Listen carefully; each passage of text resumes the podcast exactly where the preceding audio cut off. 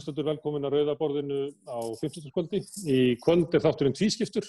Hérna eftir kemur út fólk og við ætlum að ræða um þess áhugaverðu tíma, kóruna og kreppuna og hvað áhrif það hefur á ymsa hópa og ekki kannski síst út fólk og hugmyndir þess um, um samfélagið, framtíðina, món og óta og upp og allt það.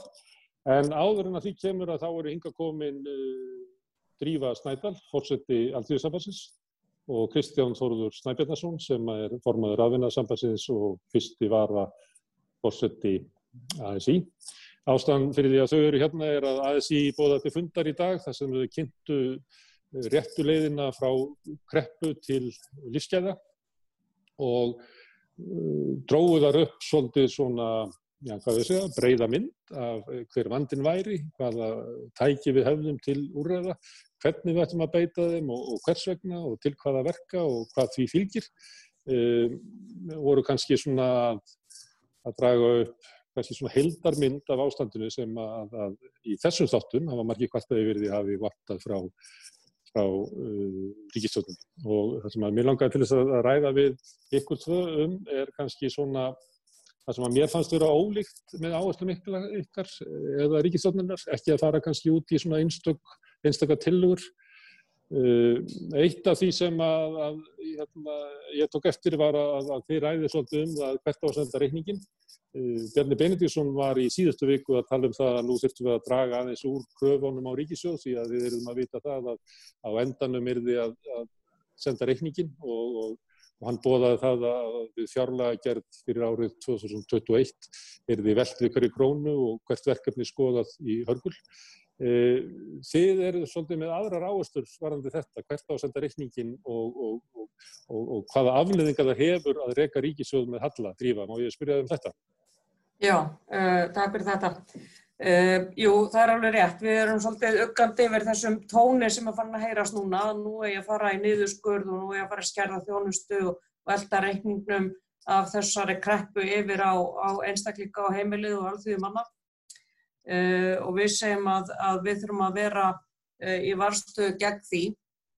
Það er ekkit óeðlilegt að við þurfum að þóla einhverja, einhverja skuldir eftir þessa kreppu Uh, og afskaplega óeðlegt að fara að ræða það að fara að hérna, rétta úr halla ríkisjóðs eftir þessa, þessi gríðalu fjárútlát sem ríki hefur tekið á sig sem eru eitthvað um 300 miljardar sem áreindar aðeins eftir að koma í ljós uh, þannig að við svona okkar verkefni verður næstu árum að gæta þess að þessari kreppu verði ekki velt yfir almenning Uh, og við, svona rauði þráðin í okkar tilögum er svo að ef að við förum einhvern veginn að skerða lífskeiði, skerða kjör eða eitthvað slíkt, að þá erum við að horfa fram á miklu, miklu dýpri kreppu heldur en ella. Uh, ef að við þess að okkur ber gæfa til þess að við halda lífskeiðum og lífstandard og, og kjörum almennings, uh, að þá munum við bæði sko koma fyrr upp á kreppunni og síðan hérna geta greitt hann tilbaka því að ríkisjóður stendur betur. Það versta sem hægt er að gera í þessari stöður er í einhver spýrar niður á við sem þýðir náttúrulega bara skertartekjur, skertarskattekjur, minni enganeysla, minni velta, fyrirtæki fara á hausin og svo framvegs. Þetta þurfum við þörft að móta einhverja viðspyrnu uh, og, og ég óttast uh, söngin sem verður að nú sé ekki tækifært til að gera þetta og hitt og nú, þur, nú þurfum við að fara að geta af einhvern veginn lífskjörum fólks til þess að borga niður e, þessa kreppu. Þannig að þetta verður svona svolítið barningur örgla e, á næstunni. Við höfum ekki farið mjög ítalega í þessu í tilhugur okkar um tekjuöflun ríkisjós sem náttúrulega við teljum vera vannýtt að einhver leiti í gegnum öðlindagjöld og í gegnum hátekjuskatta og progressívar skattkerfi. Við ákvaðum að fara ekki í það, það er tilhugur líka fyrir frá þessi. Við höfum sagt áður að, að það er það eru vannýttir tekjustofnar þá að greiða fyrir öðlindanýtinguna uh, meira heldur að gert er nú þegar og það er ekkert laununga mála þegar við núðum á um þriðja skattreppi þarna í fyrra að þá vildum við fjögur skattrepp en ekki þrjú skatthenda af hinnum allra ríkustu í samfélaginu hefur mingað töluvert á síðustu áratögum og við teljum að það er að snúa á þeirri braut. Þannig að eh, ef að Bjarnar Ben er í mun að, að fara að rétta eitthvað af hallan þá, þá er orðum í lofalægi að byrja þar en varstaðan verður um kjör almennings og, og að, að þau verð ekki, heimili verð ekki látið gælda þessa. Hafnir því sem að einhver kallaði hægri sveltistöfnu, austerity, að, að, að stoppa upp í gata á ríkisjóði með niðurskurði ríkisútgjalda, aukinni skatteimtu á almenning, sölu ríkisegna og öðru slíku sem að hefur verið enginni ríkisfjármála hjá okkur undanfærin 30 ár og eitthvað heimsluta. Já og það er náttúrulega kannski sérstaklega hætta núna því að það eru til peningar eh, og eh, hérna það eru fjárfæstar tilbúinir með peninga og þeir náttúrulega renna hýr og auga til ríkisegna uh, og, og það verður bara átt að halda okkar sameiglum egnum í okkar sameiglum eigu en fara ekki að selja frá okkur mjölkukýri og svo flugstöðuna eða, eða hjúbrunarheimilinn eða hvað það er. Fjárfestar hafa seilstansi langt svona heimsvísu inn í velferðarkerfi uh, ríkja og þar með sameila sjóði og, og, og ríkisböttuna og það, þessi kreppa má ekki vera þess. En ef að Bjarni Ben segir að, að við þurfum að strax á næsta ári að fara að stoppa upp í gatið með því að, að skera niður og bufra þjónustu og þið segir að, að áður en að það er gert að þá eftir við að skatt leggja fyrirtæki, fyrirtækja og fjármagsægundur eins og ASI hefur lagt til. En svo er þriðju valgkostur sem hefur oft verið nefndur í þessu þáttum hérna við, við Rauðabólni. Það er að að við eigum bara ekki að vera að pæla í þessu. Það er þetta, hérna, ríkisjóðu skulda svo lítið hérna, þótt hann takja á sig ykkur 30-40% skuldir miða við landsfólkmyndslu, þá er það ekkert stóra vandamáli, við skulum bara pæli því einhver tíma setna, þegar að, hérna, að það hendar ríkisfjármálunum að, að greiða niður þessa skuldir, með, þegar, það þarf að taka fyrir höfulega út úr hækjörfinu, þannig að, að þessu umræða sé bara ekki, hún sé bara ekki tímabær og það sé algjör að þeir sem að vilja koma með það að borðinu, eins og Bjarni Benni í síðustu viku, eru raunverulega bara að reyka pólitík. Þetta tengist ekki efnaðsmálum eða hagfræði á nokkur skapaðum hátt. Mm. Hvað séu þetta? Já, það er náttúrulega þetta kannski nýja áspennandi sem er að gerast í þessari kreppu. Það eru þessa rattir hagfræðinga sem segja sko þá ekki reyka ríki eins og heimilisbókald. Þetta fjallar ekki endilega um debit og kredit. Ríki þóla það alveg að, að skulda í einhver tíma uh, og, og það er bara hægt að, að parkera þeirri skuld. Þetta er náttúrulega stórluta til þess að 300 miljard, þessi 300 miljardar eru einskiptiskostnaður. Um, þannig að hérna, við, við leggjum við hlustir þegar þessir hagfræðingar tala og það verður bara mjög spennandi að fylgjast með þeirra umræði áfram. Uh, þetta er svolítið nýtt, þannig að við erum að hverfa frá þessari austerity hugmyndafræði sem réði ríkjum uh, eftir síðasta hrun uh, út um allt. Marga þjóðir fóru mjög, mjög illa út úr uh, þeirri þvingun og hafa ekki náð sér að strykka ennþá eftir það og þar nefn ég til dæmis Greikland sem þurfti að fara að selja allt steini léttara til þess að uh, vegna krafna frá lánadráttnum. Mm. Kristján Þorður. Það, mm. það er mjög spennandi að fylgjast með þessari umræðu og eins og ég segi, við hlustu vel á hana. Hún er hérna meðal annars við Rauðaborðið, þannig að við getum bara að hlusta á það. Einu sem við viku koma enga hagfræðingar og ræða einmitt þessa hluti. En Kristján Þorður, þú hérna varst að kynna atvinnuppbyggingu á fundunum. Uh, það er líka svolítið öðruvísi tótt fannst mér hjá ykkur með að við hvernig ríkistofnin talar. Að, að hjá ríkistofnin er þetta svolítið um að venda störfin eins og að venda störfin inn í, í, í ferðarþjónustunni sem ég er ekkert að segja að þið séu að, að, að ekki vil ég ekki gera. Heldur var frekar svona, mér fannst hótt svona lengra hjá ykkur að þið voru að ræða um það sko hvers konar störf mætti byggja upp uh, í þessari kreppu þegar að svona stór hluti er er, er atvinnulegs. Störf sem að myndu gagnast í samfélagi sem að við myndum vilja hitta kannski eftir greppuna. Frekar heldur að venda þau störf sem voru til fyrir hana. Er þetta, er þetta eitthvað minnskýringur á mér? Já, næ, þetta er auðvitað hár rétt að mörguleiti. Uh, það sem við erum að leggja upp með er auðvitað að við þurfum svolítið að fara niður í ræturnar aftur og, og skoða annars vegar hvað getum við gert í samfélaginu til þess að byggja upp nýstörf.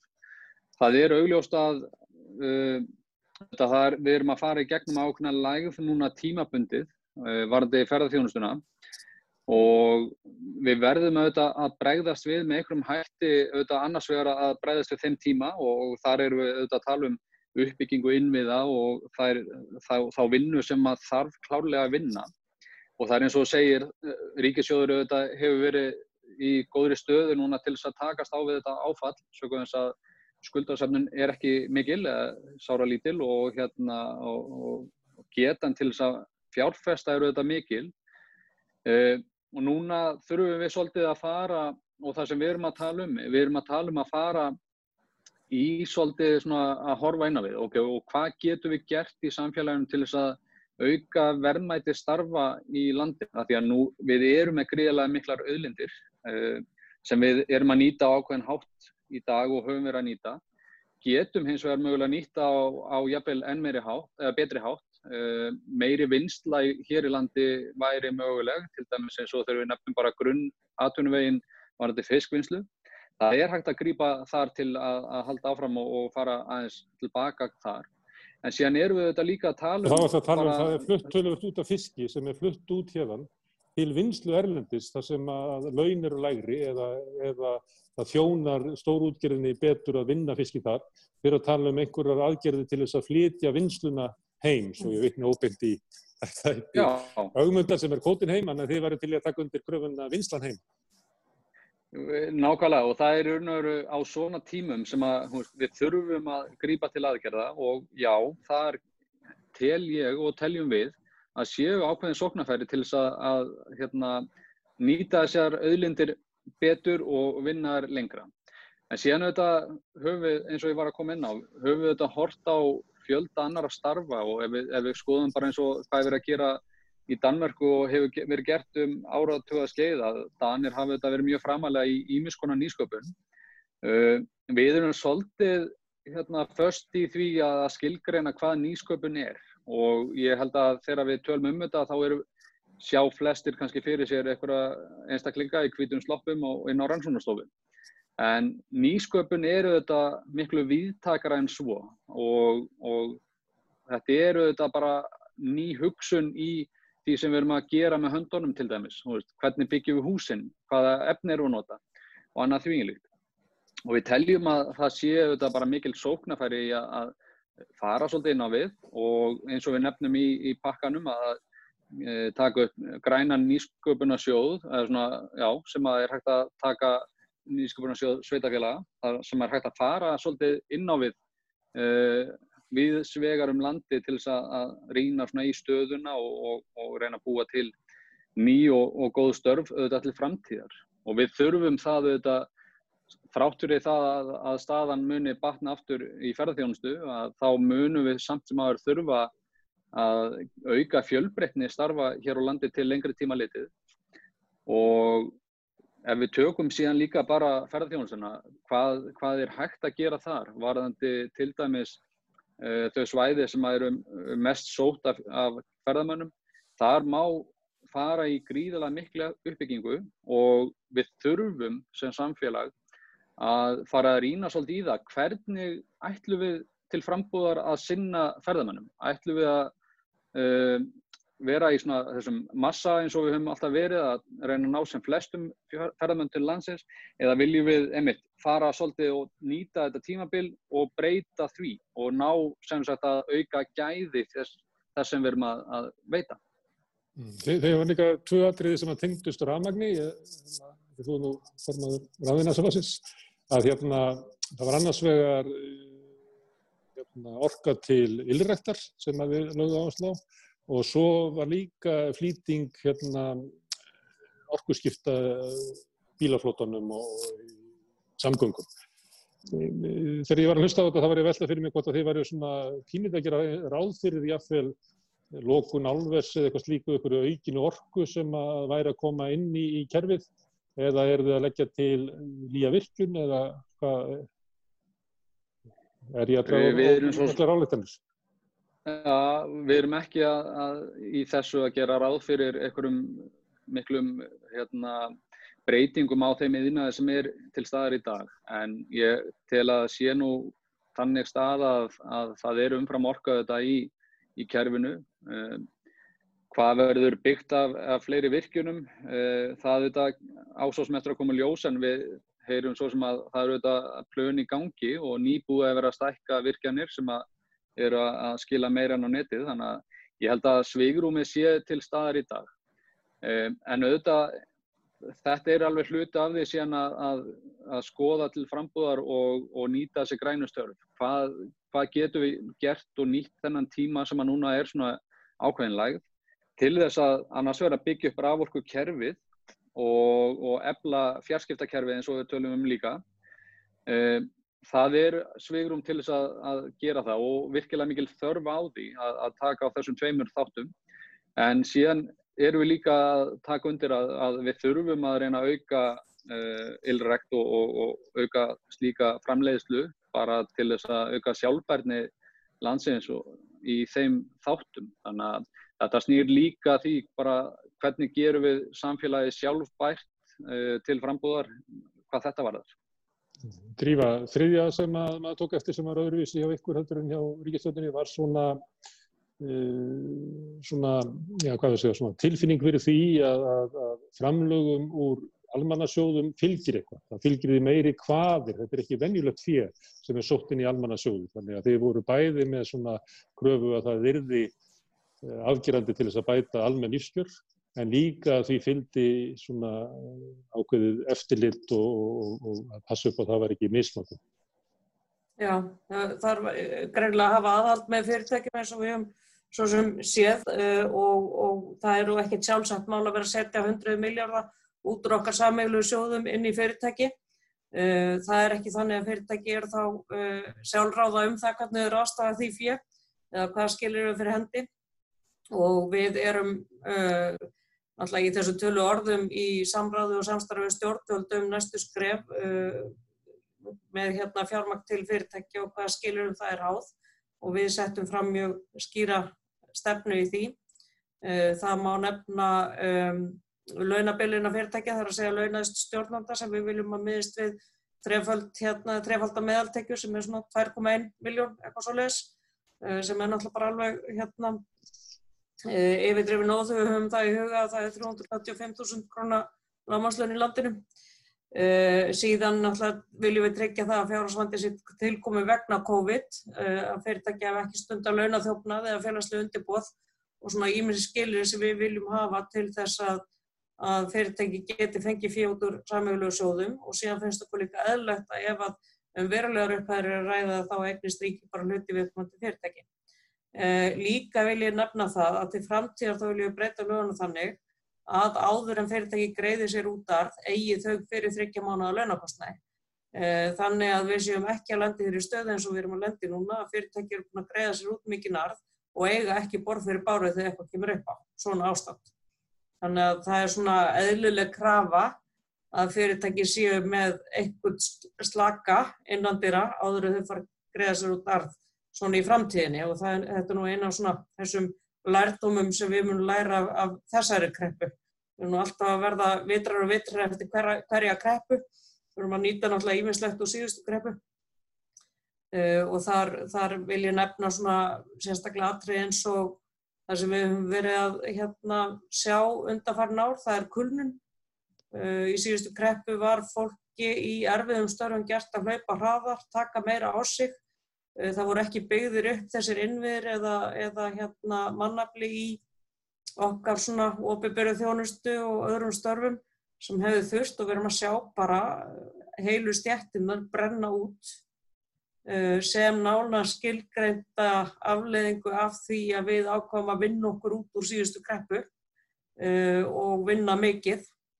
En, en einn helsta frétt þessara viku hefur verið um kröfur hérna, stjórnanda flugleiða á, á, á launafólki þar um það að þau vinni einmitt meira og hlaupi meira fyrir annarkort sömurlaun eða minnilaun. Þannig að, að aðal e, krafa vikunar frá, sem að ríkistónin stiður, þess að ríkistónin eiginlega hangir á hliðalínunum með, með peninga tilbúin að leggja henni í Æslandi er ef að, að stjórnandunum tekst að auka samkynnishæfni eins og það er kallað en því þeir umverulega bara berja niður laun og fá meiri vinnu út úr fólkinu heldur en áður var. Mm. Já, hérna, við, við höfum náttúrulega staðið þetta baki við flugfröðum í þeirra kjærasæðinsviðra. Við höfum sagt þess að kjærasæðinsviðra eru óháðar öðru. Þetta eru eðlulega kjærasæðinsviðra sem, sem að ríki er ekki að fara inn í eða hafa áhrif á. Uh, og, og, hérna, og þær hafa, flugfröður hafa nú komið alveg ótrúlega vel til mótsvið við flugleir eða Æslander í því en svona heilt á liti að þá hérna uh, þá hefur örorku fjölgað gríðarlega síðust ár uh, og tók að hverju stökk fyrir nokkrum ár síðan. Uh, og það er eitthvað sem má ekki gerast út úr þessari kreppu líka. Þannig að við erum svona að leggja til að við flítum þessum ferli með steytingu vinnuveikunar sem við erum byrjuð í uh, og hérna tökum strax þá steytingu vinnuveikunar og þá sem eru í líkamlega og andlega erfiðum störfum og það getur náttúrulega líka orðið til þess að búa til fleiri störf, sérstaklega við um eins og opera. Og þá við náttúrulega líta líka á þessar stjættir sem hafa haldið í okkur lífinu í síðustu tvo mánuði og með bortlösu vinnuframvægi uh, og það, það ber að umbuna þeim stjættum og, og breyta verðmættamatti okkar í okkar samfélagi uh, gagvart ákveðinu störfum. Hmm. Hérna, Kristján, hérna, nú kemur aðeins í fram með svona breyða tilugur um hvernig það mæta sér í greppu og lætur eins og, og hérna, uh, það eigi að hafa sam, sam, uh, sambandið eigi að hafa skoðanir um öllum málum. Og þá kemur spurningin sko hver hlustar á, á ASI, stundum finnst mér að það eftir að hafa allist upp í þessu samfélagi að stjórnvöld ákveði flesta hluti í samfunnu við hagsmunnaðala sem er ekki í verðlisvinningin heldur frekar hagsmunnasamtök hérna, fyrirtækjaeganda og fjármarseganda.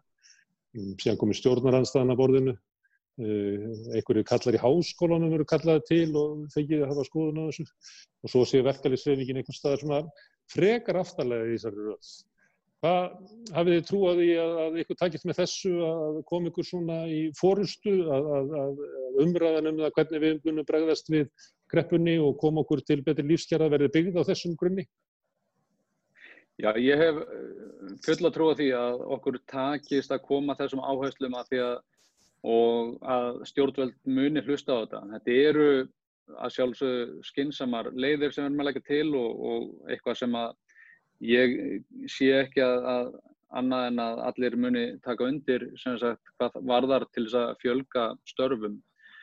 Það auðvitað, og ég tek alveg undir með þér það sem við talaðum um það að stjórnvöld er ekki alltaf að hlusta á það sem er verið að tala um í okkar, okkar rannið og auðvitað er okkar að fylgja því eftir að, að það verði hlustað og verði, því verði fylgt eftir sem við erum að vinna með og það eru þetta bara verkefni okkar sem við þurfum að vinna með áfram uh, og við þurfum að vek, vekja áhuga stjórnvald á því að hlusta á það sem samfélagið fjallar um. Það er bara verkefni sem er framöndan. Hmm. Drífa, það er líðræðislegt kerfi, við kjósum fólk á þing og sveitastjórnir til þess að sinna okkar málum, en svo kjósum við líka fólk til fórustu í verkefnisreifingunum til þess að reyka okkar hagsmunni Eh, mér finnst stundum eins og sé ekki alveg að tekja marka á svona líðræðislegu umbóði verkefnishefingarnar og einmitt þetta fólk sem ég var að tala um á, á, áður og álitskjafar í silfrinu og alls konar, alls konar lið, raunverulega er margtakar í umræðinu heldur en að, að, að verkefnishefingin hefur verið uh, undan þannig áratíði, get ég sagt. Já, það er náttúrulega okkar svona uh, stöðu að verkefni að láta hlust á okkur að krefja, krefja um svar og við lítum svo á að, að allir stjórnmálflokkar eigi að sjálfsögja að, að leita í okkar ann og, og, og hérna, taka upp þær gröfu sem við erum með. Um, þetta er náttúrulega hluti af því að kynna svona helstætt plagg og kynna, hafa ákveði frumkvæði í því að kynna það hvaða samfélag við viljum byggja upp og það er okkar ábyrð að gera það uh, og síðan er það okkar að fylgja eftir og vekja umræðum um þetta og að þetta verði einhvern veginn grundvöldurinn í í þeirri óumflýjalegu umræðu sem verður núna næstu vikum hvernig í óskopunum ætlum að búa til eitthvað lífanlegt samfélag fyrir alla hérna til framtíðar. Eh, þannig að þetta er svona fyrsta skrefið og auðvitað bara ætlist við til þess að það sé hlusta á okkur tekið til í þessar tilhagna. Mm. Ég bara ósköku góð stengis með það og ég ætla ekki að segja til hafmyggjum með svo tilhugum, það gerir það ekki ekki, en það er margt gott í þeim, þetta er góður, góður grunnur að, að umræðu. Drífa Snædal og Kristján Þorður Snæbjörnarsson, takk fyrir komuna hérna auðaborðinu og gangi ykkur vel. Takk fyrir. Þá, þá skiptum við um gýr í, í hérna, þættinum og hingaði komin hópur af, af ungu fólki, Línus Orri Gunnarsson Setterborg sem er PS-miður og músikant, Benjamin Júlían sem er starfsmæður hjá Eblingu, eh, einhvern tíma hefur verið hægt að kalla hann eh, pislahund Karl Ólafur Hallbjörnsson, heimsbygginemi og Sanna Magdalena Mörtudóttir sem er borgarfulltrúi. Af því að við vorum nú að tala hérna um þessar, ekki kannski tillugur ASI, heldur svona upplegg ASI um hvernig við ættum að mæta kreppunni. Kannski má ég byrja á þér, Benjamin, á þess að ég er ekki að byrja um að svara fyrir hönd eflingar. Þetta er bara svona sem verkalið sinni og áhuga maður um verkaliðsmál. Hvernig slóðu þetta þig í dag? Um, það er þarna sem ég sé í fyrsta skipti og það glattur mér mjög mikið að sjá loksins einhvern á Íslandi mæla með hérna, einhvers konar Green New Deal sem ég held að sé um, ekki bara eina raugrætta viðbræði núna í þessari, þessu áfalli, heldur líka um, já, náttúrulega bara svona í rauninni stefnulegrætting eftir, eftir að hafa, hafa verið svona um það bíl að fara að eiga við það vandamál áður en að koruna verið hans skall á. Og ég ótaðist það mjög mikið þegar að COVID byrjaði að, að það myndi bara algjörlega gleymast en það gæti gerst ennþá að, að það verði þvert á móti meiri áhersla lögð á að einhvers konar sjálfbær, sjálfbær stefna verði tekinu upp og að þær björgunar aðgerði sem að verður tekið til núna að þær varði leiðina inn í, inn í einhvern þannig, einhvern þannig hérna, hvað var að segja, einhvern þannig stefnu. Þannig að mér fannst þetta að vera mjög fínt, fínt að þetta kæmi, kæmi þessum fram og ég myndi gerðan vilja sjá það vera, vera sett fram sem svona megin, megin svona þungan í þessum, þessum aðgjörðum. Karl Ólafur, ég veit ekki hvort að þú sett verkefnissinni eða hvað þú ert í pólitík. Ég sá á, á Facebook-síðunni þinni að þú varst með tilvitun í Hannes Holmstein sem að kallaði Sókrates Íslands. Það ég veit ekki hvort það gefið eitthvað til kynna. Hvað fylgdistu með framlægi allþjóðsambassins núna? Ég bara rétt las mér aðeins til um hvað var að gerast. Ég sá bara frétt um það. En já, ég myndi alveg kalla mig verkalýsina sko og ég hef mikið áhuga á því að rósta Hannes Holmstein á netinu það er svona mitt, það er mitt skemmt efni. Já. Hvernig sló þetta? Benjamin nefndi Green New Deal sem hefur nú verið svona hugdag sem að eiginlega var til fyrst og svo er fólk búið að vera að fylla upp í það hér og þar. Það var svona, svona hugmyndum með demokrati í bandaríkjónum og, og verkalýsflokksins í Breitlandi og mjög víðar að, að líklega væri þetta svarið sem við þyrtum uh, New Green Deal og svo hafa menn verið kannski eftir á að fylla upp í það. Þetta er svona dæmum það þegar oft verður hugdökið til á undan hugmyndunum. Hvað á því að það sé eitthvað sem við þurfum að gera? Við þurfum nýja byrjun í íslensku samfélag. Það, ég er bara ekki alveg viss, kannski. Mér finnst þetta aftast bara hljómið svo góðar hugmyndir sem koma fram í svona tilögum og svona pælingum. Þannig að, já. Línus, hvað segir þú? Hvernig, uh, þú ert hérna pólitíkus gödunar, kannski ekki yfirna svona stopnunum eins og alþjóðsambandinu, ég veit ekki hvað hefur þú trúið því að, að þetta fólk geti náði að, að sveia Ísland á, á rétta braut? Já, hérna ég hef nú enga svona gaggrinni á ASI sem, sem stopnun sko, sérstaklega. Eh, en um, ég held að verkefliðsreifingin hefur alltaf verið eitt, eitt sterkasta aflið og, og, og hérna hefur leitt uh, ótal fjöldarhefinga uh, og ég held að allar, nánast allar jákvæðar breytingar sem hafa gerst í samfélagi manna komi út af fjöldarhefingum og, og, verkefliðsrefingin hefur alltaf verið svona eitt af bestu mótelunum hvernig á að skipulega sig um, og uh, bara hefur verið mjög spennandi að fylgjast með hvernig verkefliðsreyfingar í Íslandi hafa byrjað að verða aftur fjöldarreyfingar uh, en ekki svona uh, jafn mikið innan stopnana eins og það voru. Ekkur undir þetta sanna að, að breytingi verði til inn í verkefliðsreyfingunni og svona fjöldarreyfingum almennings kannski frekar á en á hinnum svona líðræðslega vettangi sem að þú starfar í sveitastjórn eða á? Ég er náttúrulega mestu breytingar komi í svona stærri reyfingum og græsrútar hreyfingum og, og það er það sem að þarf til að knýja fram á hérna, breytingar og það er einmitt mikilvægt að hérna, uh, breytingar komi einmitt frá svona fólki með reynsluna sem að sé að knýja þær fram og mér er skott að sjá núna áherslur uh, ASI einmitt að einblýna á fólk en ekki fjármagn og hérna að því grunninn þá snýst þetta náttúrulega um fólki sem þarf að komast í gegnum þetta en ekki að bjarga fjármagninu þó að fólk þurfi náttúrulega fjármagn til þess að komast í gegnum þessar aðstæðir þannig að mér finnst það að vera svona þessar áherslur sem ég er að sjá í þessu núna að fagna því. Og já, mér finnst það gott. En varðandi þessar tillugur og kannski líka sem að ríkistjónin hefur verið að hérna, tala um og umræðuna um hvernig við ætlum að mæta kreppunni, ja, því að við erum nú ungd fólk um þrítust og þar fyrir neðan. Uh, finnst ykkur að það verið að, vera, vera að áverpa ykkur sem að ég nú stærri hluta af framtíðinni heldur en hlutanmis gamli kallar eins og ég? Ég er ekki að mikið við það sem að kemur frá ríkistjórnin allan sko. en það kannski fer eftir því hvaða, hérna, hvaða einstakling þú ert að tala við. Það er náttúrulega mismunandi kannski bakgrunnur sem stýri því til dæmis hvort að einstaklingur eigi sérregna lífeyrisbarnað eða hvað sem þetta heitir og hvort að við komandi hafi það náða til dæmis sapna því og náðu þá taka það út núna. Það er kannski eitthvað að ungu fólki sem að á þannig inn að banka bók og getur þá núna tekið það út ef það er ekki með vinnu yfir sömarið. Það var eitthvað sem var kynnt í fyrsta aðgerðum ríkistjórnar, minni mig. En ég er ekki alltaf að tengja mikið að því sem að ríkistjórnin er að segja en ég hef svo sem aldrei skilið margt sem að kemur frá þeim. Benjamin? Sko, mér, mér sýnist þessi ríkistjórn hafa tekið hugmyndina um íhald mjög langt, tekt hana mjög langt í þeim aðgjörum sem hún hefur sett fram. Að hún, að hún hérna, reynir bókstaflega ekki bara að bjarga sko, hagkerfinu eða einstökum geirum heldur bókstaflega dauðum fyrirtækjum. Og fyrst að það var minnst á leksíur úr síðustu, síðustu hérna, kreppu á þann, þá, þá, þá mér, mér þykir þetta eiginlega bara að vera versta endurtekning sem er möguleg að einhverju leiti að, að það sé ekki að það sé ekki reynd að sækja fram að skapa nýja hluti þegar áföll dinja á með þessum bakgrunnstón sem við vitum að er af stórfældum breytingum sem þurfa eiga sér stað.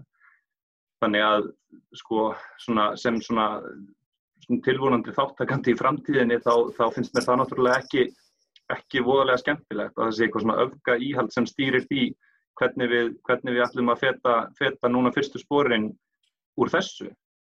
En hérna já, þess vegna eins og ég segi, gleður það mig fyrst og fremst að sjá, að sjá þessa hugmynd um einhverja framtíð sem að, sem að bókstálega fyrirferð sér ekki byrtast í þessum pakka, þessum hugmyndum sem að ASI er, er að leggja fram.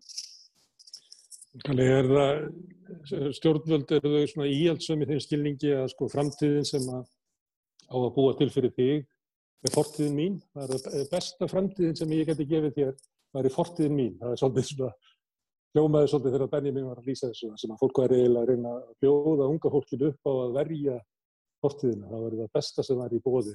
Það er alveg ekki þessu hugmyndum að sko framtíðin geti verið betri en fortíðin. Já, það verður náttúrulega allt að haldast óbreytt. Það er fyrsta fórsendan. Já, sem er fórsenda stjórnvalda. Já, ég, ég meina það, einmitt. Já.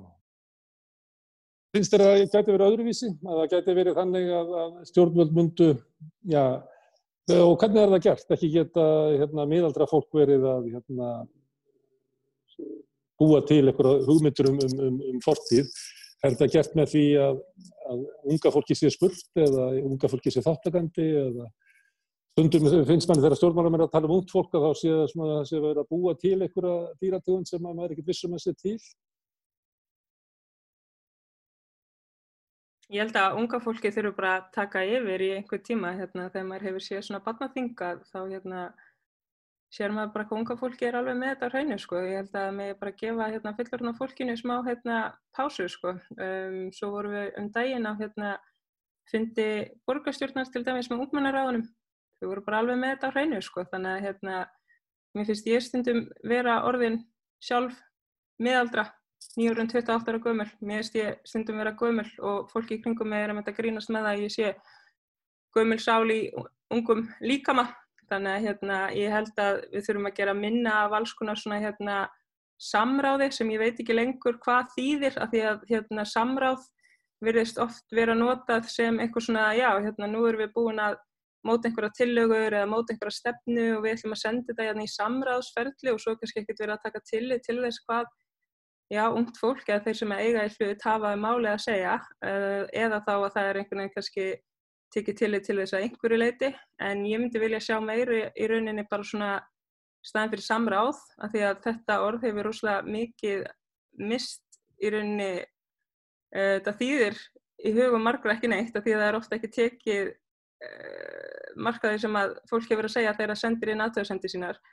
að við sjáum í rauninni bara meiri samvinnu að þeir sem eigi hlut kom einhvern veginn bara svona algjörlega að mótun tillagna frá byrjun að hérna ég held að væri bara glæsilegt að sjá alþingi skipað af fulltrúum barna og ungmenna og úrlinga í einhver tíma að hérna segja hvað það er sem þarf að gera snúna og þá held ég að við myndum fá bara hérna bestu niðurstöðuna því að maður, ég meina, ungt fólk hlýtur að vita hvað það er sem það þarf núna. Þannig í stæðin fyrir að hérna fullorðna fólki þykist vita hvað sé unga fólki fyrir bestu að unga fólki bara hérna segi ráðamennum og ráðakonum og ráðafólki hvað það er sem það þarf núna og þá held ég að við fáum bestu niðurstöðuna í staðin fyrir einhvern veginn að heyra í þessum hagsmunahópum og heyri í þessum og mikið samráð hafi verið haft þá held ég að unga fólki fyrir bara að hérna taka yfir það hefur alltaf reynst vel, ég allan að veit ekki um neitt dæmi þar sem að það hefur farið eitthvað ítla sko.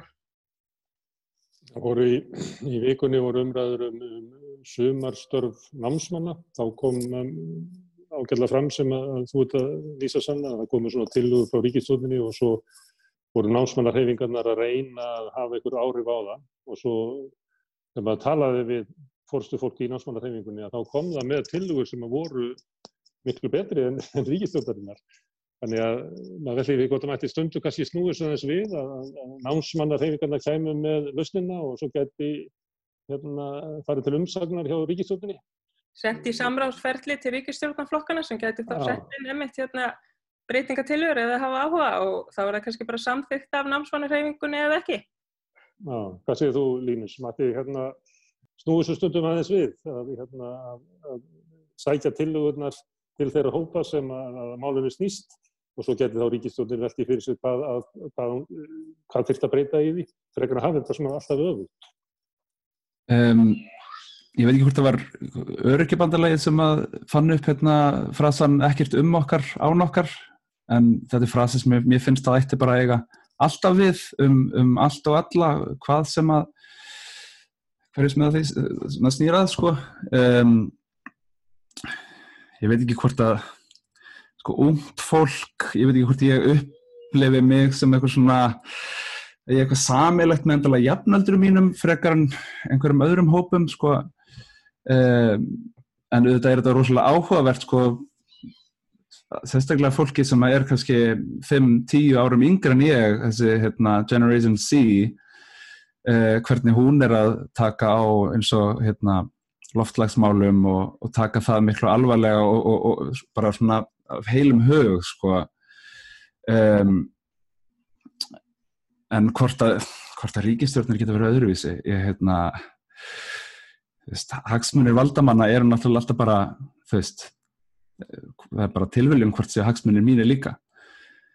Ég, ég held ég hef aldrei upplefað að sé eitthvað að tala sérstaklega til mín hvort það sé sem eitthvað svona ungt fólk eða, eða eitthvað annað sko. Það kallaði einhver hérna við rauðaborðið í vikunni, þetta verið svona áhorfslýðræði, við fengjum að horfa á ráðafólk taka ákvarðanir Ég, myna, ég held að þetta fulltrúðalýræði sem við búum við sé rosalega úreld og, og ég meina flest annað þróast og breytist í samfélaginu og, en við höldum alltaf í sama svona gamla líðræðið sem er í rauninni ég meina við borgum skatta til þeirra einu sinni í mánuði en við kjósum þau á fjörarafresti uh, mér finnst ekki vera beint samingi á það milli Já, myndir við ekki að það eru til tilugur um það það sem að vera þannig að, að atkvæði veri fljótandi, þú getur greitt eitthvað um atkvæði, þess að getur þú tekið það tilbaka á miðvið kjörtímafili ef við litist í jáan þar sem þú varst að kjósa. Alveg eins og maður getur veitt einhverjum vald, þá ættum maður að geta tekið það frá þeim líka. Mm. Karl, hérna, það er svona í umræðinni um greppuna og, og kóruna líka, bara því að kóruna faraldurinn var eitthvað svo miðaldalegur að þá uh, kom mjög fljótlega svona upp svona hugmyndur um að við værum á okkur svona ströngkvörfum að það væri mikil, mikil svona breyting í sögunni, þetta verið mikil áreynsla á hugmyndur okkar og hitt og þetta verið að falla enn einu sinni var við líst yfir að nýfrásugja væri döð og, og fólk er svona núna byrjuð að gæla við að mögulega gæti bara kapitalismin verið í lífsættu þótt að það var oft verið sagt að fólk gæti auðvöldra með að ímynda sér endalók heimsins heldur en endalók kapitalismus. Hefur þú trúið því að við séum að lifa svona áhugaverða tíma að, að, að, að það muni reyna á bara grundvaldar hugmyndir fólksum samfélagið og, og stjórnmálum? Nei, ég held því miður ekki. Ég held að við séum bara of vön þessu góða og þægilega og ég held að séu of margið sem eru ekkert einu svona tilbúinur að pæla í því að þetta getur verið öðruvísi sko. Það er kannski svart sínt hjá mér sko en mig grunar að það sé ekkert mikið að fara að breytast. En nú er það ekki góða og þægilega á ekki við um, um lífskjör, örgja, láluna fólks, einflýtenda, leyenda, fátakt eftirlunna fólks. Ég geti talið svona áfram og ég var líka komin upp í helmingin af, af fólkinu Eh, þú ert kannski að vísa til þess fólk sem stýrir umræðunni og hefur eh, átt umræðuna í, í fjölmjölum og í háskólasamfélaginu og stjórnmálunum og hefur kannski bara lokað augunum fyrir tilveru hinna og kannski er eina ástæðan fyrir því að ég nefndi þessi ströngur áðan að, að menn er kannski gæla við það að, að við neyðumst núna til að horfast í augu við á hópa sem við höfum já, skilið eftir, ekki áarpað, látið þess að verði til. Já, það sem ég átti kannski meira við var sko hugmyndafræði og hvernig við hugsaum um framleiðslu og neyslu og því um líkt og við erum held ég ekki tilbúin, ég held að sé enginn, það er mjög fári allavega á þeim stað að fara að hugsa um þetta einhvern veginn á róttakannan hátt. Það er allavega mín tilfinning sko. Ok, þá bara gengi á línuna, Benjamin, eh, hérna, getur þú hugsað um heiminn á róttakari hátt? Ég lagði til einhvern tímanum... Yfir á þægilegu lífi sem starfsmæður öflingar, að þú ert hættur að vera rótakur. Já, ætli það ekki. Ég, hérna, ég lagði til um daginn að, hérna, að við myndum kannski sem verkalýsfeyfing um, reyna, reyna frekar sem sagt svona í takt við það að það þurfi mögulega að endurhugsa samfélagið í heild og einmitt neistlu eins og Karl segir. Endurhugsa hvernig, hvernig við, hvernig við hverju við erum að berjast fyrir. Núna, núna gengur þetta mjög mikið, sko, stiga, stigagjöf í verkefliðsveifingunni er hversu miklu launahækkunum nærðu, hversu mikið nærðu að, að, hérna, að fá í vassan. Og það er að miklu leiti fyrir félag eins og eflingu, bara lífsbörsmál fyrir félagsmennina. Í, í þessum verkvöldum sem hafa verið í gangi núna, þá erum við bókstálega að berjast fyrir fólk sem er búandi heima í fórundunum sínum 30-40 ára gamalt, vegna þess að, vegna þess að það er bara bókstálega ekki nóg peningur greittur fyrir lunni þeirra, fyrir, fyrir vinnuna.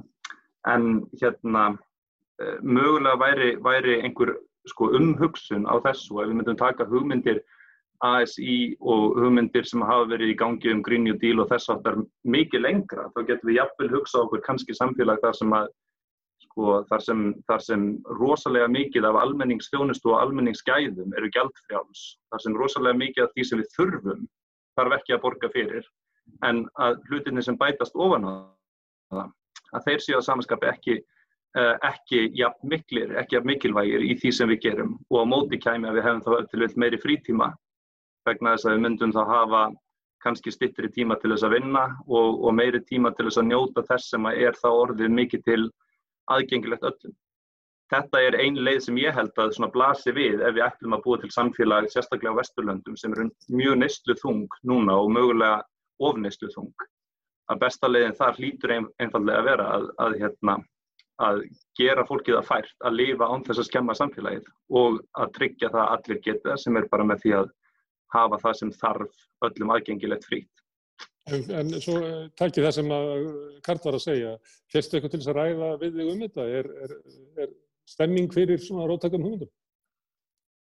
Ég held að það þurfa að taka þetta í svona tveimur til þremur skrefum og hérna ég, ég, ég, ég bind miklar vonir við næstu samningalótu þegar það kemur að þessu. En líkil spurningin hérna er nefnilega, þetta, þetta skiptir máli fyrir verkefliðsfeyfingun og hvernig hún nálga samningaviðræður. Vegna þess að ef þetta verður svo hugmynd sem að ræður ríkjum þegar næst kemur að því að semja fyrir alla, alla sem að vinna á Íslandi, þá, þá þarf, þá þarf sem sagt að beina spjótunum ekki lengur að atvinnureikendum heldur að hinn ofnbæra vegna þess að það er þar sem að, sem að forsendan fyrir þessu myndi vera sköpuð. Forsendan fyrir þessu verður til í því að almenningssamgöngur verður gerðar fríar og svo gegnum gangandi að þú gætir lifað án þín eigin fartækis að, að heilbreyðstjónustan væri gerð algjörlega gjaldfrjáls, að skólakerfi væri frýtt og að þú, og svo framvegis og svo framvegis, húsnæði er, er mjög stór partur af þessu á Íslandi líka. Allt þetta eru spurningar sem að aðrurreikundur geta ekki svarað og, og ættu kannski ekki að svara. Þetta, er, þetta eru spurningar sem að, sem að verku og þyrti þá að beina að ríkinu.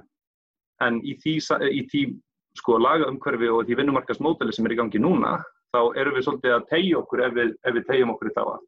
Og þá að það hafa verið gert í kringum lífskjærasamningana og bara berum orðum í tilfelli eflingar og SGS, þá bara gerð sérstu kröfugerð á ríkið.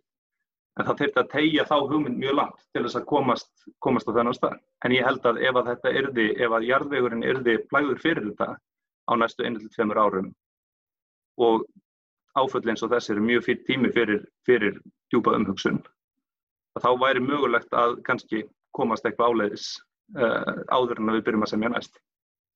Ok, Línus, um, tílega spurning. Hérna, þurfum við að breyta samfélaginu? Er þetta ekki bara allt í meira og minna heldur gott hjá okkur? Og nú tvö, ef við þurfum að breyta sam, samfél, samfélaginu, þá er þetta ekki það sem að Benjamin var að segja, eru við þremur samningslótum eða þremur kreppum frá því að raunverulega geta byrjað að tala um rótaka breytingar samfélaginu? Eða er, er tíminn bara, er tíminn núna? Um, það er nokkuð sjálfgefið að það þurfa að breyta samfélaginu að hérna uh, við erum með bara arfleið uh, arfleið af hérna, kolonialisma sem, a, sem að ræður mjög mikið sko, hvernig, hvernig við lifum lífinu bara fólk á jörðinni. Um, og misskiptingu sem að þarf að leiðrétta. Uh, og náttúrulega þú veist heimurinn er að brenna og, og hérna það mun fyrst uh, bitna á þeim fátækastu. Uh, og við getum þakka fyrir það að, að sko COVID drefur líka eina ríku, þess að annars myndi náttúrulega allt bara vera eðlilegt í dag, þú veist, annars myndi allir efnahægurinn bara halda áfram. Uh, þú veist, það hefði aldrei verið hættvinnin flög ef að ríkir væri ekki líka degja eins og átti sér staði í kóluru faraldurinnum á 19. öll þegar bísnaði fyrst og fremst að fáta ykkur fólki þá mjög sinn grip inn í það. Eins og átti við um AIDS þegar það voru hommar sem að dói þannig að samfélagi er mjög vel vari fyrir því að, að láta hinn að jáðarsötu degja Einmitt og, og sem við segja núna að, að hérna, bandaríkinu hafi einmitt verið með rosalega harðar aðgerðið þannig að það föttuð að það væri aðalega svartir sem er að degja eða, eða sko í miklu mæli. En Uh, sko, þetta hefur verið rosalega lærdomsvíkt að fylgjast með. Uh, ég hafði ekki hugmynd um að, að ríkisjörnir heims gætu bara stöðvað all flug. Að það væri bara möguleiki sem við höfum hingað til bara ekki greipið til verðan þess að við heldum ekki að vera ástæða til eða þú veist, ég segi við þetta er náttúrulega ekki við, þetta er þau. Um, og, og, og að sjá sko hvaða aðgerðir er hægt að grípa til þegar, að, þegar við erum að panika. Uh, það er rosalega áhugavert að, að sjá þessa verkfærakistu og, og, og hérna pæla úr því hvernig við ætlum að nota hana. Um, en ég held að veist, það eina sem er heyrir er orðræða um veist, hvernig við eigum að koma öllu aftur í venjulegt horf. Það er bara veist, eins og venjulegt sé hvað ákjásanlegt og um, en ég hef nú ekki samt, Línus, það er samt þannig að það er mjög mikið ymmit skrifað um það að leiðin er umvel ekki back to normal því að normal var ekkert normal. Það er svolítið svona, allavega var framann af kórunumfaraldinum svolítið ábyrjandi í umræðinni opnað á hugmyndur um að við þyrftum að breyta ykkur og það væri ekki endilega rétta leiðin eins og aðeins síðar að segja rétta leiðin.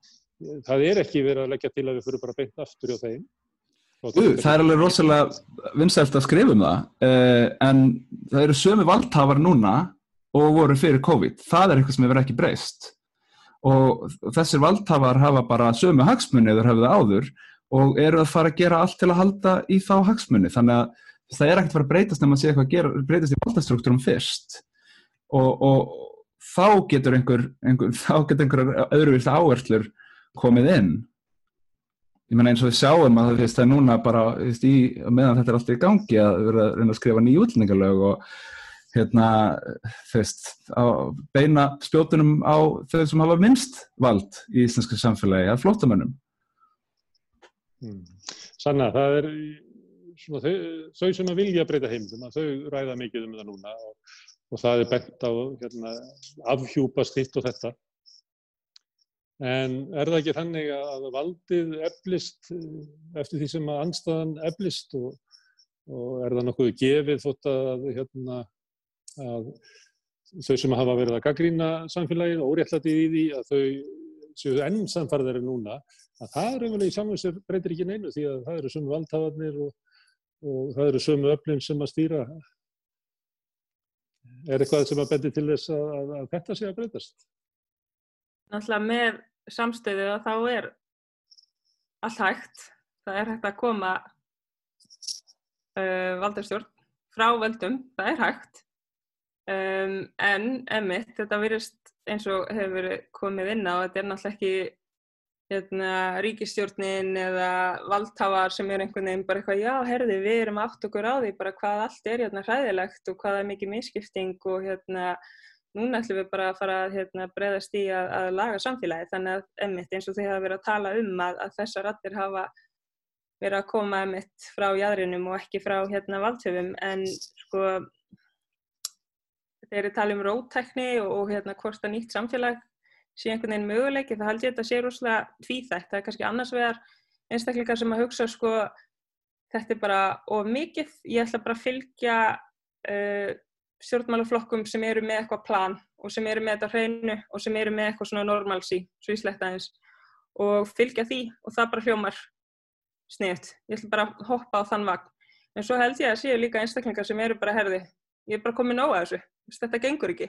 Og þannig sjáum við náttúrulega breytingar. Þú veist, þannig munir þetta verða aðveruleika og ég held að sé alveg hægt og ég held að sé að koma með fleiri rattir og þetta er að koma meira og meira upp á yfirborðið þannig ég ætla bara að leifa mér að vona að þetta mun einhvern veginn hérna, hjálp okkur í að koma þessu einhvern veginn stað því við höfum alltaf vitað af uh, þessu, við höfum alltaf vitað áréttlæti og ójöfniði og hérna, umhverjusvanni sem er til staðar en núna er þetta að koma miklu meira upp á yfirborðið gagvart þeim sem kannski voru ekki eins meðvitaðir um þetta þannig að það er svona erfiðar allavega að fel þetta þannig að eins og við höfum verið að sjá með til dæmis þegar við tökum rasisma fyrir að þá er einmitt hægt að taka þetta upp á síma. Þú veist, þetta er orðið meira svona sínilegt, þannig að þetta er kannski ekki nátengt alveg þessu en þetta sínir bara fram á að við getum sínt þetta og, og það er einhvern veginn svona kannski krafturinn í þessari baráttu að það er erfiðara að fjela þetta og það hjálpar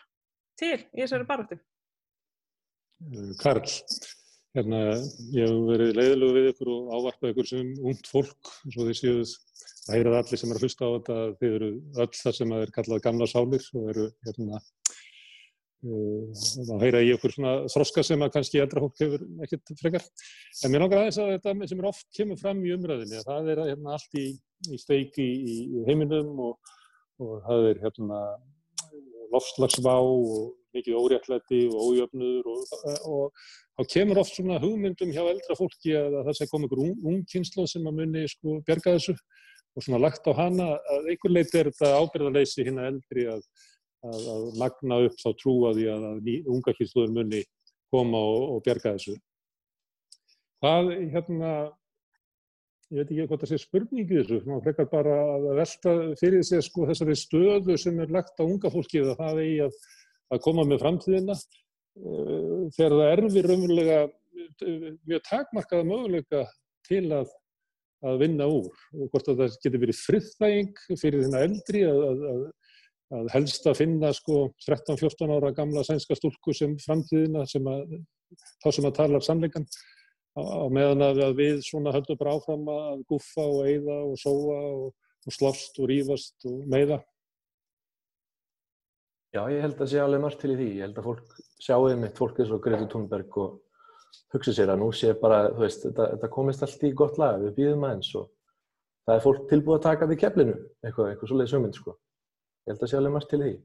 Þannig að við þurfum ekki þá að, að, að bregðast við neinu af því að þið ætlaði að koma og taka til eftir okkur. Já, mér grunar það, sko. Og síðan sé maður þetta líka í fyrirbærum svona eins og kólefnisjöfnun sem maður getur borga fyrir að láta sér ykkur trí og svo framvegis. Ég meina, þetta verður oft verið bórið saman við aflátsbref er þetta ekki doldið þannig? Mér finnst það sko. Benjamin, er einhverjir í verkefæðsreifingunni sem að koma til þín og segja að þú, er bara minnum á þegar ég var ungur og uh, svo þú er að koma með lausninnar og svo leifa þau sér að bara halda áfram að, að jöða í sama, eða hvað við segja, svona um, samkómlagi við SA og, og raunverulega í verku sínum að við halda óbreytu kerfi. Er, það, Já, er, er sko- unga fólki með hlutverk sem að er kannski ekki raunverulega hluta leikritinu, heldur svona frekar, hérna, eða hvert er hlutverk ungs fólks í leikritinu? Sko, það er alltaf sagt við mig, já, ég var líka rótækur þegar ég var ungur eða eitthvað þannig um, sem er kannski svona einhvers konar, einhvers konar svona synda álat líka. Þetta eldist af þér, Benni, Benni minn, eitthvað svona?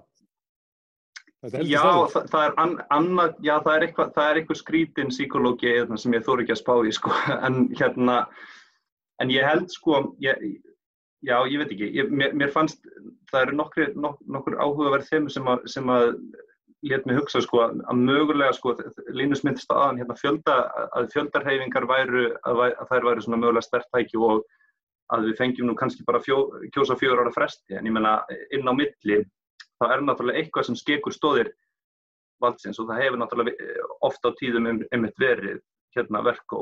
Og ég, ég hef svona eitthvað verið að veltaði fyrir mér og daldið vona sko að, að, hérna, að mögulega núna, sérstaklega þegar er daldið erfitt að, að hérna, vera með fjöldasamkundur og erfitt að vera á austurvelli og erfitt að gera eitthvað svona, eh, svona vera, með, vera með þau læti sem hafa venjulega hrætt yfirvöld að, að það sé mögulega hægt að opna einhverja dyr inn í verk og fyrir fólk til þess að tjá það sem þau vilja fá, breytt. Og ég var svona pínlítið að vona að þessi, að þessi sko, áætlun sem er núna, núna er miðstjórn loksins búin að koma sér saman um, nú er ASI loksins komið, komið með einhverja stefnu, einhverja, það er eitthvað þarna sem við ætlum að fara í áttina að. Og mér þætti mjög heilbreykt, held ég, að sjá fólk sko ræða, ræða innan sinna sagt félaga að fólk myndi fá einhvers konar svona tækifæri þar til þess að miðla sínum áhyggjum og sínum höðarefnum og mögulega bara segja, segja við að þetta sé ekki það sem þau þurfa, þau þurfi eitthvað annað eða eitthvað þess að það. Ég, ég, þetta er svona pínulítið svona, þetta er ekki endilega raunhæft, raunhæft plan en ég held að þetta sé allavega sko leið, leið til þess að, að brjóta upp þá, þá þetta íhald sem er í gangi núna og sem við losnum ekki við fyrir en það ákveður sjálft að leif okkur að kjósa sig af sem að gerist ekki fyrir eftir ári bestalagi.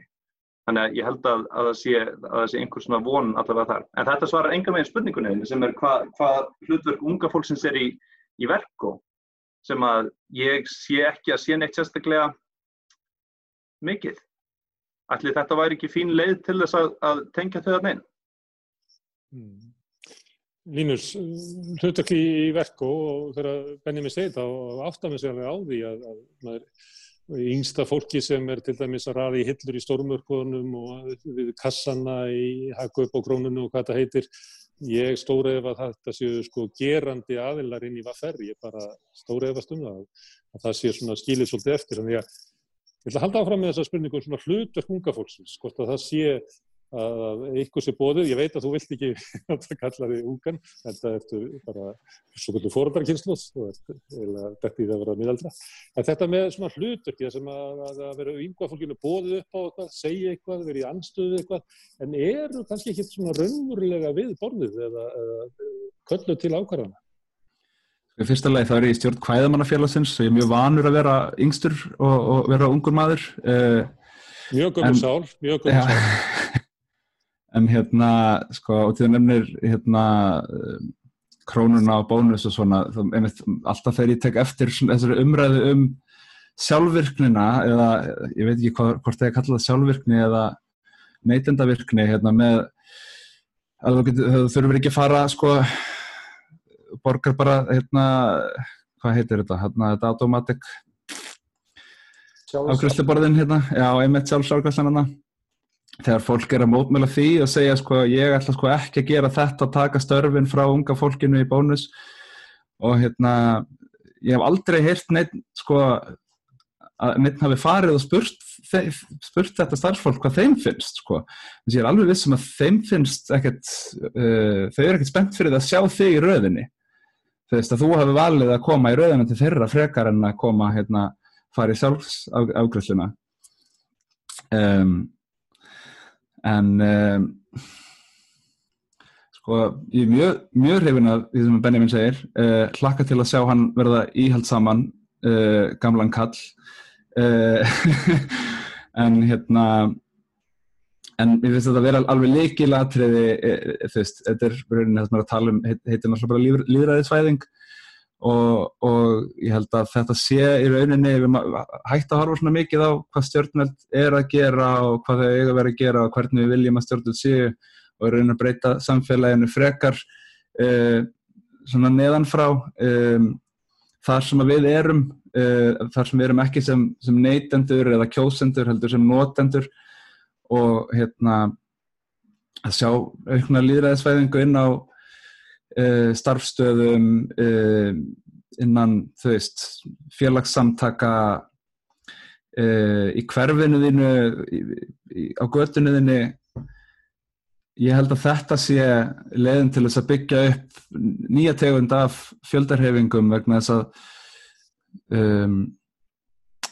þær hafa svolítið ekki verið sérstaklega áberandi síðustu áratvíi ég veit ekki hvort að sé sko að það gerðist eitthvað hann að líðræðisreifingar nýf, nýfrjálfshyggja þú veist þegar allir byrjaði allt í hann að hugsa um sig sem neytendur uh, og við sjáum svona það að sko, það er rosalega vinsalli minnikynnslóð að reyna að knýja fram breytingar með því að breyta einhverju svona hvernig neytandi þú ert uh, hvað þú kaupir eða hvað þú kaupir ekki Kjósa með buttunni eins og sagtir.